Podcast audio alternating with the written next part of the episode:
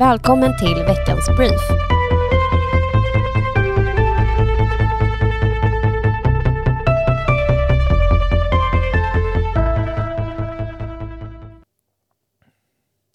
I veckan har Ryssland och Ukraina-konflikten eskalerat. Den 21 februari erkände Rysslands president Vladimir Putin Donbassregionerna Donetsk och Luhansk i östra Ukraina som självständiga stater. Kort därefter svarar EU, Storbritannien och USA med ett löfte om sanktioner mot Ryssland. Därefter enas samtliga av EUs utrikesministrar om ett sanktionspaket som sägs skada Ryssland rejält enligt unionens utrikeschef Josef Borrell. På torsdagsmorgonen beordrar då Putin en militär operation i Ukraina och det är nu krig i Europa. I det första skedet rör sig militäroperationen om angrepp från luften med attackflygplan och kryssningsrobotar. Rysk militär säger att de har attackerat ukrainska militära tillgångar. Enligt Ukrainas myndigheter har hundratals människor skadats i bombningar, flera dödsoffer ska även ha krävts. Ryska markstyrkor ska ha sänts in från flera håll. I Donbassregionen rapporteras om strider sedan ryskstötta separatister angripit ukrainska styrkor.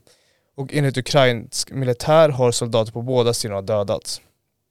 I veckan var Tobias Billström, gruppledare för Moderaterna i riksdagen, med oss för att prata mer om Ryssland och invasionen av Ukraina och hur Sverige bör agera. Så här sa han.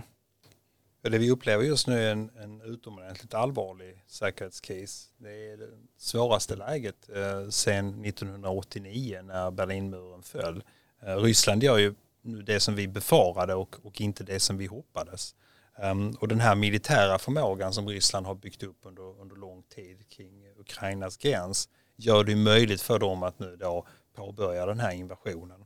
Och det har de ju också gjort. Eh, det som hände när man eh, förklarade de här två delområdena som man då tidigare har annekterat ifrån Ukraina eh, för självständiga, det var ju att man öppnade upp och påbörjade en invasion av Ukrainas territorium.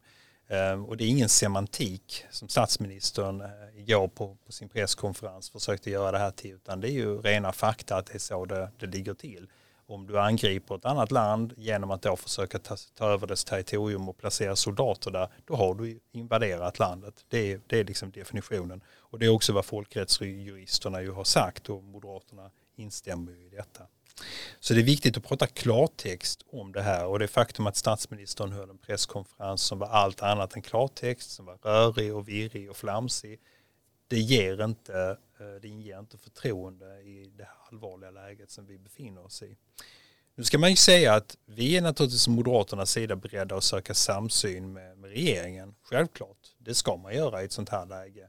Eh, och det betyder att vi är självklart också beredda att, att prata med regeringen men då måste regeringen också prata klartext gentemot oss men framförallt gentemot väljarna i det här landet och medborgarna. För det är regeringen som styr och det är regeringen som måste ta ansvar för utrikespolitiken i, i Sverige. Um, och det här är, är märkligt därför att hanteringen av allt detta faller in i ett mönster som går igen. Det som hände igår är en del av en berättelse om hur Socialdemokraterna hanterar utrikespolitiska kriser. Ehm, man kan minnas vad som hände just runt, åren runt 1989 och Berlinmurens fall när den socialdemokratiska utrikesministern Sten Andersson sa att, att de baltiska staterna inte var, var eh, ockuperade av Sovjetunionen. Det var helt uppenbart ett felaktigt påstående. Det var uppenbart att de baltiska staterna var ockuperade och hade varit det sedan andra världskriget. Men han kunde inte förmå sig till att säga en, en sanning i det läget. Och det har ju alltid varit, varit eh, en eh, tagg i sidan på Socialdemokraterna att de kom ut på det här viset gentemot våra baltiska vänner. Eh, och det här är obegripligt. Eh, det som vi ser nu, den här invasionen av Ukraina, den inleddes 2014 genom att man annekterade eh, Krimhalvön. Eh, och den har fortsatt med en andra invasionsvåg mot Luhansk och, och Donetsk, alltså de här då, områdena. Och det har i praktiken pågått i, i flera år. Och vi måste ju också fundera över vad det här innebär för Sveriges säkerhetspolitiska situation i vårt närområde. Och Magdalena Andersson fick ju igår en rak fråga från journalisterna, det vill säga skulle Sverige stödja Baltikum i ett, i ett läge där de blir utsatta? Det besvarade hon med, och jag citerar då, det är en hypotetisk fråga men det skulle vara något helt annorlunda än något Sverige gjort i modern tid. Citat. Och det här borde inte heller vara Sveriges svar i den här eh, svåra situationen. Våra förutsättningar för att hjälpa de baltiska länderna de skulle naturligtvis vara avsevärt bättre om vi var med i NATO. Det säger sig självt. Ett medlemskap i NATO skulle göra oss till en del av samma familj där de baltiska staterna redan befinner sig. Men, men eh, det, det, är liksom, det är ett vitalt svenskt intresse att i samarbete med andra likasinnade länder eh, se till att upprätthålla ett fritt, ett stabilt, ett demokratiskt och, och eh, Eh, fredligt närområde. Och det måste också innefatta ett framtida stöd till de baltiska staterna och om de efterfrågar detta. Och på den punkten så får aldrig en svensk statsminister svaja. Där måste man vara helt tydlig med, med vad som gäller visar vi våra eh, säkerhetspolitiska och utrikespolitiska eh, intressen. Um, jag kan bara säga avslutningsvis då också att, att Moderaterna har ju under en tid också krävt att Sverige ska eh, bistå Ukraina i kampen med att försvara sig mot eh, Ryssland. Um, Ukraina har uttryckligen bett om vårt stöd, om staten Sveriges stöd. Uh, och många länder bidrar ju nu på, på olika vis. Sverige har ju till skillnad från de flesta andra länder en avancerad försvarsindustri. Uh, och därför kan vi bidra även med defensiva vapen som då skulle kunna öka Ukrainas uh, försvarsförmåga. Men regeringen väljer ju nu att upprepa sitt nej till då att stödja det ukrainska försvaret med hänvisning till svensk vapenexportlagstiftning och det är fel. Faktum är att lagen inte alls sätter stopp för ett sådant stöd. Uh, och det har aldrig varit lagens syfte heller att man ska sätta stopp mm. för den möjligheten. Utan det är snarare viljan som inte verkar finnas hos uh, Socialdemokraterna. Men vi är av övertygelsen att även på den punkten kommer de att behöva och, eh, ändra sig. Sverige har en moralisk skyldighet att stå upp för Ukraina både i ord och i handling. Eh, och vi behöver samla vårt land kring en, en gemensam, konsekvent och tydlig linje. Och det ledarskapet är naturligtvis extra viktigt när du befinner dig i kris och när du befinner dig i krig. Finansborgarrådet och Finansregionrådet har också visat sitt stöd för Ukraina genom att hissa den ukrainska flaggan utanför Stockholms stadshus och landstingshuset. Även andra kommuner som Nacka har hissat flaggan. Så här säger finansbyrådet Anna König Hjelmer om saken. Här bakom mig så vajar nu den ukrainska flaggan tillsammans med den svenska flaggan för att visa vårt stöd och vår solidaritet till det ukrainska folket som har blivit utsatta för en fullständigt oprovocerad invasion. Moderaterna har också gått ut och uttryckt krav på att hjälpa Ukraina. Flera andra länder har hjälpt Ukraina med stöd och nu tycker Moderaterna att man ska göra densamma. De vill att man ska hjälpa Ukraina med det Ukraina ber om. Det kan till exempel vara defensiva vapen, finansiellt stöd och humanitär hjälp. Moderaterna anser också att man borde rusta Sverige för det nya läget, snabba förstärkningar och mer pengar till det svenska försvaret. Sedan anser man också att man bör straffa Ryssland för deras agerande. En full invasion ska straffas med fulla sanktioner, anser Moderaterna. Och med oss för att prata mer om konflikten i Ukraina är Thomas Ries, docent i krigsvetenskap vid Försvarshögskolan. Tack! Ja, alltid trevligt att ha dig med Thomas. Och jag tänker bara kolla här först. En fullskalig invasion är det nu i Ukraina. Ryssland har, gör ju en fullskalig invasion. Med din erfarenhet, hade du förespått det här? Uh, det kan jag i ärlighetens namn inte säga, men att det här var Eh, ett av de scenarierna som jag tänkte var sannolika. Eh, men det är ju uppenbart att amerikanerna hade en ganska bra bild. De, de sa ju konsekvent att nu börjar det snart. Eh, men ingen visste, eller ja, ingen öppna källa visste riktigt hur det här anfallet skulle se ut när det kom. Mm. och där var det spekulationer, men att min, min, jag har faktiskt skrivit en kort liten rapport om det här och min, min tolkning var att det mycket säkert skulle bli Donbass att det sannolikt skulle vara att koppla ihop den ryska gränsen med Krim och att det fanns en möjlighet att han också skulle försöka gå norrifrån och ta Kiev. Um, och de bitarna är ju på plats, men sen verkar det som han har gjort en ännu större, storskaligare invasion. Mm. Um, och det hade jag, ja, och det andra som jag hade absolut räknat med var de här eldöverfallen, alltså med flyg, bomb och missiler. Att, att man slår till på, på distans, på djupet mot hela Ukrainas egentligen militärsystem. Eh, och det var ganska förutsägbart. Mm, precis, att de, de slår ut infrastrukturen eh, först så. Ja, precis. Jag knäcker den. För den är, den är, den är, det, det är den minst riskabla för dem egentligen. Även om det visar sig att de har tagit en hel del förluster tydligen. Uh, men, men det som jag inte, jag hade inte räknat med att det skulle bli så storskalig invasion som nu. Men vi vet inte ännu riktigt hur det hela kommer att urarta sig för att nu är vi i en inledningsfas och vad de gör efter två, tre dagar, det är då som vi kommer att veta mera vad, vad de egentligen kommer att hitta Mm. på. Mm. Precis, och det var min följdfråga, vad du tror sker härnäst. Men om du ska försöka kanske på Ja. lite längre sikt. Jag vet att det är svårt när det kommer till de här militära konflikterna. Det kan ju gå i raskare takt framåt, men det kan också gå och bli väldigt utdraget. Eh, men eh, vad tror du Mm. kommer ske härnäst i konflikten? Jo, nej, jag, tror, jag misstänker att Putin helst inte skulle vilja att det blir för utdraget. Um, min tolkning är, och det är inte bara min, men det är också andra, är att vi kommer att ha nu en eller två dagar när Putin skickar in, eh, alltså bombardemangen fortsätter tror jag en fem, sex dagar, de här eh, liksom, övergripande långdistansbombardemangen. Men under de nästa två dagarna så kommer väl Putin att fortsätta skicka in, han har skickat in hittills verkar det vara reservister så inte särskilt välutbildade, med lite äldre utrustning han skickar in.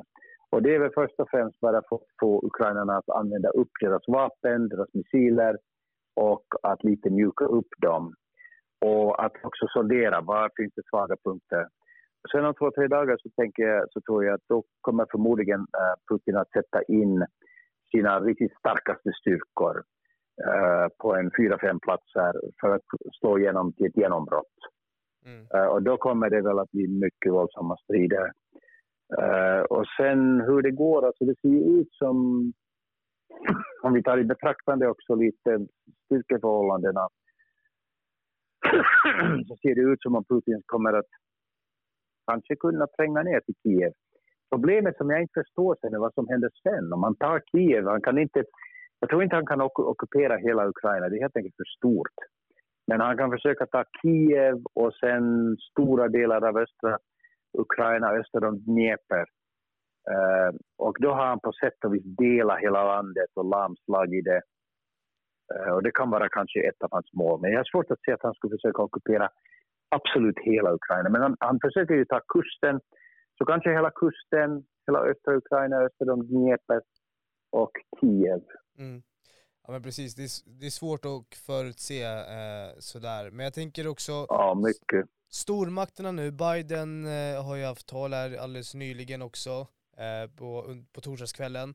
Och eh, hur vill du, hur tänker du, hur bör stormakterna agera här? USA, Storbritannien och sen eh, Europeiska unionen? Jo. Nå, alltså här, här är den stora frågan. Borde man vara försiktig som de har varit hittills och hålla sig till de här sanktionerna som inte har minsta effekt alls? Det kanske gjorde, det kanske skadade den ryska ekonomin och ryska vanliga medborgare men det påverkar inte Putin det minsta, sanktionerna. Ska man vara försiktig och hålla sig till det eller ska man vara djärvare och utmana Putin genom att um, skicka mycket starkare militär uh, uh, uh, utrustning till ukrainarna uh, och kanske också på andra sätt utmana Putin att till exempel skicka in fartyg i internationella farvatten till ukrainska hamnar med stark marineskort som då skulle vara väldigt utmanande för Putin för att uh, om han låter det ske så ser han svag ut, om han angriper så kan det bli krig. Mm. Och där är då frågan, hur långt ska man gå? Men jag misstänker att, alltså, att så som det ser ut nu så kommer västmakterna att hålla sig till, till den mjuka linjen, sanktioner och, och en massa prat. Mm. Hoppas att det här stora sanktionspaketet eh, får Putin att kanske tänka om eller stoppa sina Nej, ytterligare planer. det, det, kommer inte att ha minsta påverkan på honom, inte det minsta. Uh, delvis kanske också för att han inte riktigt, ja, han bryr sig inte och han förstår kanske inte helt de ekonomiska konsekvenserna. Han bryr sig inte. Och dessutom så kan han påföra oss ganska stora ekonomiska kostnader. Och det börjar han, det han indirekt börjat göra med oljepriser och sånt. Så att eh, det kom, sanktioner kommer inte att påverka eh, Putin det minsta. Problemet här är snarare att det här, det, det, det här är en långsiktig process. Och ehm, alltså det här är, det här är, han utmanar hela Europa och, utman, och Europa reagerar långsamt och USA. Så om två, tre år så kommer Europa att ha politiker och militärstyrkor som är mycket bättre förberedda för att hantera en sån här person som Putin. Vi är inte det nu ännu. Inte militärt och inte, inte våra ledare. De har inte riktigt, de vet inte hur man ska hantera det här. Om två, tre år så kommer de att komma fram just eftersom han har provocerat fram det nu hos oss. Och då, då kommer vi att vara bättre förmögna att hantera det här. Mm. Och det måste vi vara, för det är mycket sannolikt, mycket möjligt att han om två, tre år, eller ett eller två år, kommer att rikta blicken mot uh, Östersjön, Baltikum. Mm.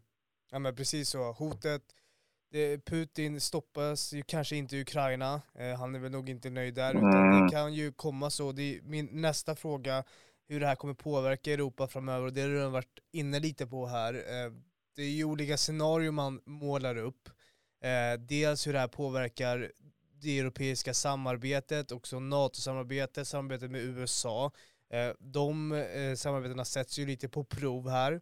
Det var dels pandemin innan och sen nu den här militära mm. invasionen som nu Putin gör. Så det samarbetena sätts på prov. Det är ju en del som kommer också påverka Europa framöver och även hela världen. Eh, men sen är det också den här andra, den militära då, då delen. Hur kommer det påverka Europa framöver? Kommer Putin fortsätta att marschera in i Ukraina, Kiev och sen fortsätta vidare mot Östersjön som du säger? Eller kommer han då ja, men vara nöjd helt enkelt. Hur tänker du kring det? Och då om vi ska börja med eh, det europeiska samarbetet och NATO-samarbetet men också eh, ja, det generella samarbetet kring, kring sådana här svåra krissituationer. Jo, ja, eh, det som vi ser nu och som vi kommer att fortsätta i det är att eh, NATO-sammanhållningen och samarbetet har blivit starkare. Jag förstärkt alltså, det har naturligtvis varit undantag. Macron viss grad tyskarna upp till en viss punkt, inte nu längre och så vidare. Men i princip så har NATO-samarbete och, och i viss grad EU-samarbete uh, eh, hållit. Det har inte brustit fullständigt. Och det som vi ser nu är att i alla fall uttalanden både från NATO och särskilt från EU utan det så har blivit mycket, mycket starkare. Så att det har väckt politikerna i viss grad. Uh, så jag, jag misstänker att, att sammanhållningen kommer att bli starkare man kommer att satsa mer på en försvarsmakt som faktiskt kan skydda oss mot Putin. Men det kommer att gå långsamt. När den här krisen är lite över så kommer allt att gå långsammare. Det kommer inte att bli särskilt effektivt, med vissa undantag. Polen har ju just köpt 250 mycket, mycket toppmoderna amerikanska Abrahams stridsvagnar från USA. Och vissa länder kommer nog att, att förstärka sin försvarsförmåga avsevärt, men EU som helhet och NATO kommer väl att fortsätta ungefär som nu fast, med, med, mycket större fokus på, att, på Putin, på att, att skydda oss mot Putin. Uh, så den biten uh, uh, är där. Men den stora frågan är förstås vad händer 2024 när vi har nästa presidentval i USA? Och om Trump då blir vald, så då är liksom allt, vad som helst är möjligt då. Och, och, USA utan NATO är helt enkelt, äh, NATO utan USA är helt enkelt ingenting. Vi måste ha NATO. Um, så då, om USA drar sig ur det europeiska spelet, då sitter vi riktigt illa däran. Mm. Men det är ett sånt vilt kort som ingen, ingen kan veta hur det går. Nej. Nej, men precis så. Det kan ju bli någon som också, eh, kanske är eh, samma idé som Trump, men värre. Man vet ju aldrig vilka, vilka ledare som som kommer fram eh, och det mest oväntade kan redan hända imorgon. Det har ju historien visat många gånger. Du, du, du ställde också frågan här att, att kommer Putin att vara nöjd efter Ukraina? Och, och svaret här är nästan helt säkert nej. Han kommer absolut att vilja ta de baltiska staterna tillbaka. Och ytterligare, hans stora mål är ju egentligen att finlandisera Europa. Att få att skrämma Europa till att inse att hela Europa måste respektera hans, Rysslands vitala militärintressen som omfattar alla möjliga åtgärder i Europa. Så att, så att det här är bara början på en mycket, mycket större, djupare och farligare process. Så att det, vi, vi är lite inne i en kapplöpning nu. Vi måste förbereda oss för, för tiden om två, tre år när Putin kommer att bli ännu, utmana Europa mycket starkare än vad han gör nu. Mm. Stort tack Thomas Ries för att du kom till veckans yes. Mm, varsågod, tack så mycket Zacharias. Och nu välkomnar vi Arba Kokalari, Europaparlamentariker, för att prata mer om hennes tankar kring Ukraina-Ryssland-konflikten och hur EU ser på situationen. Och eh, jag tänkte bara kort och gott, vad är dina, vad, vad tänker du kring den här invasionen? Jag är såklart bestört. Det här är, som många andra har sagt, också ett nytt kapitel i Europas historia. Ehm, men jag är inte heller förvånad. Ehm, jag och många andra, och inte minst Moderaterna, vi har ju varnat för det ryska hotet. Att man ska ta Putins maktambitioner och aggressioner mot grannländer på större allvar. Och eh, det vi ser nu är en galen man som, eh, som har eh, inlett en stor invasion mot, mot Ukraina. Och det här är inte bara en attack mot Ukraina som stat, utan det är också en attack mot Europas fred, det är en attack mot våra fri och rättigheter och en attack mot alla de som kämpar och eh, vill stå upp för demokrati och frihet. Hur går tugget just nu då, då i Europaparlamentet där du är verksam? Ehm, mina kollegor är såklart eh, också helt bestörtade och eh, det här är ju någonting som vi behöver agera mycket mer kraftfullt kring. Nu måste Europa samla sig mot eh, Putin. Vi måste stoppa honom från att ehm, ja, ta över Ukraina och vi måste göra det väldigt svårt för honom att fortsätta agera som han gör. Så vi måste ta, ta till alla medel vi kan just nu Både för att hjälpa den ukrainska befolkningen som just nu står i fronten för den här aggressionen, men också för att stå upp för vår frihet och våra demokratiska fri och rättigheter som Vladimir Putin eh, attackerar. Mm, precis, och eh, du vill se hårdare tag. Man har ju då det här sanktionspaketet från EU har man ju enats om och menar på att det kommer skada eh, Ryssland mycket. Eh, men man har ju, tidigare har ju Thomas Ries varit med här i veckans brief och förklarat att Vladimir Putin enligt honom inte bryr sig om de här ekonomiska sanktionerna eh, eller inte tänker på det utan det är det militära målet att eh, ta över Ukraina och kanske ja, återfå en, återuppväcka Sovjetunionen eller ett större ryskt imperium. Men vad skulle du vilja se från EUs håll, från Europaparlamentets håll, från NATOs håll, från Storbritannien och så vidare, eh, som du saknar idag? För det första så är det ju väldigt positivt att man eh, från EUs och NATOs länderna och från USA, ja hela västvärlden just nu agerar väldigt samordnat. Och eh, jag tycker att det är väldigt viktigt att västvärlden visar enad front. Det som jag saknar just nu i sittande stund, det händer ju saker timme för timme, är att eh, vi måste ha ett importförbud mot eh, olja och gas från Ryssland. För det är där den stora Eh, styrkan i deras ekonomi har varit. Och eh, sanktionerna måste träffa väldigt hårt så att det blir svårt för Vladimir Putin och hans Eh, regering att eh, fortsätta ha stöd för den här invasionen.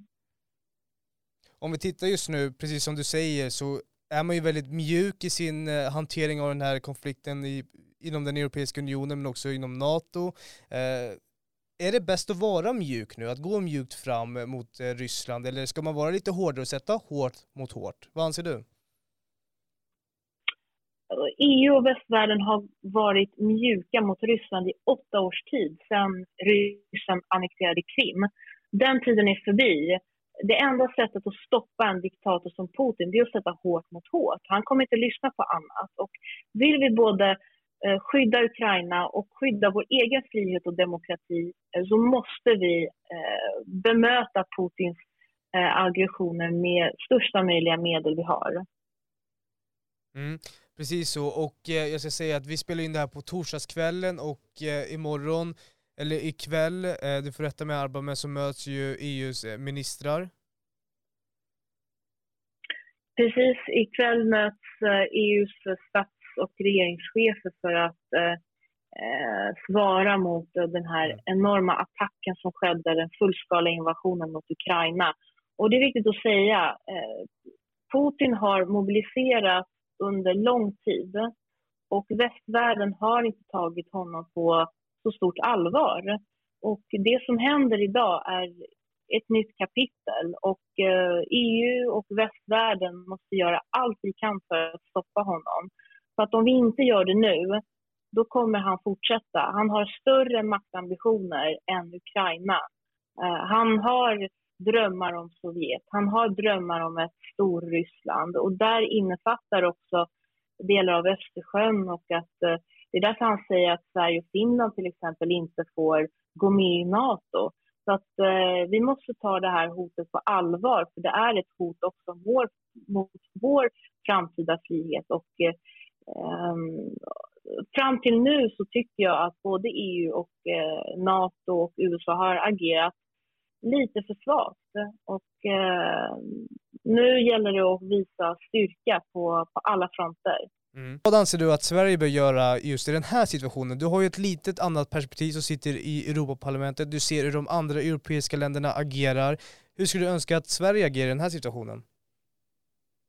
Eh, flera andra EU-länder har redan skickat vapen till Ukraina och det borde Sverige också göra. De flesta andra EU-länder är också medlemmar i Nato och det är inte Sverige.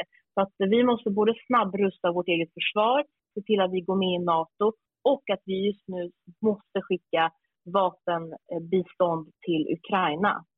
Precis, och eh, om vi ska kolla kanske lite framåt då, då det europeiska samarbetet, NATO-samarbetet eh, sätts ju på prov. Det är första gången vi har en sån här händelse eller en invasion, ett krig i modern tid här i Europa och nu sätts ju verkligen de här samarbetena på prov. Eh, skulle du säga att eh, det kan bli så att till exempel frågor om att utträda ur EU, det kanske är lite tidigt nu att säga, men utträda ur EU, eh, utträda ur kanske NATO om de inte visar sig starkt och så vidare, eh, kommer upp mer och mer på agendan, att de här samarbetena börjar ifrågasättas allt mer.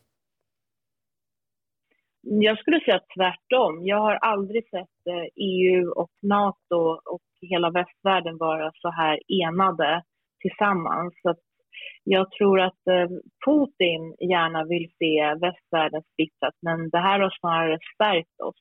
Och det är därför det är så oerhört viktigt att vi stoppar eh, Putin redan nu och inte låter honom fortsätta den här militära eskaleringen över Ukraina.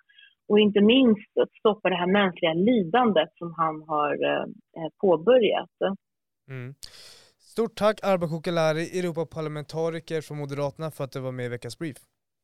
Tack så mycket. Veckans brief är tillbaka varje fredag klockan 07.00 för att ge dig veckans toppnyheter.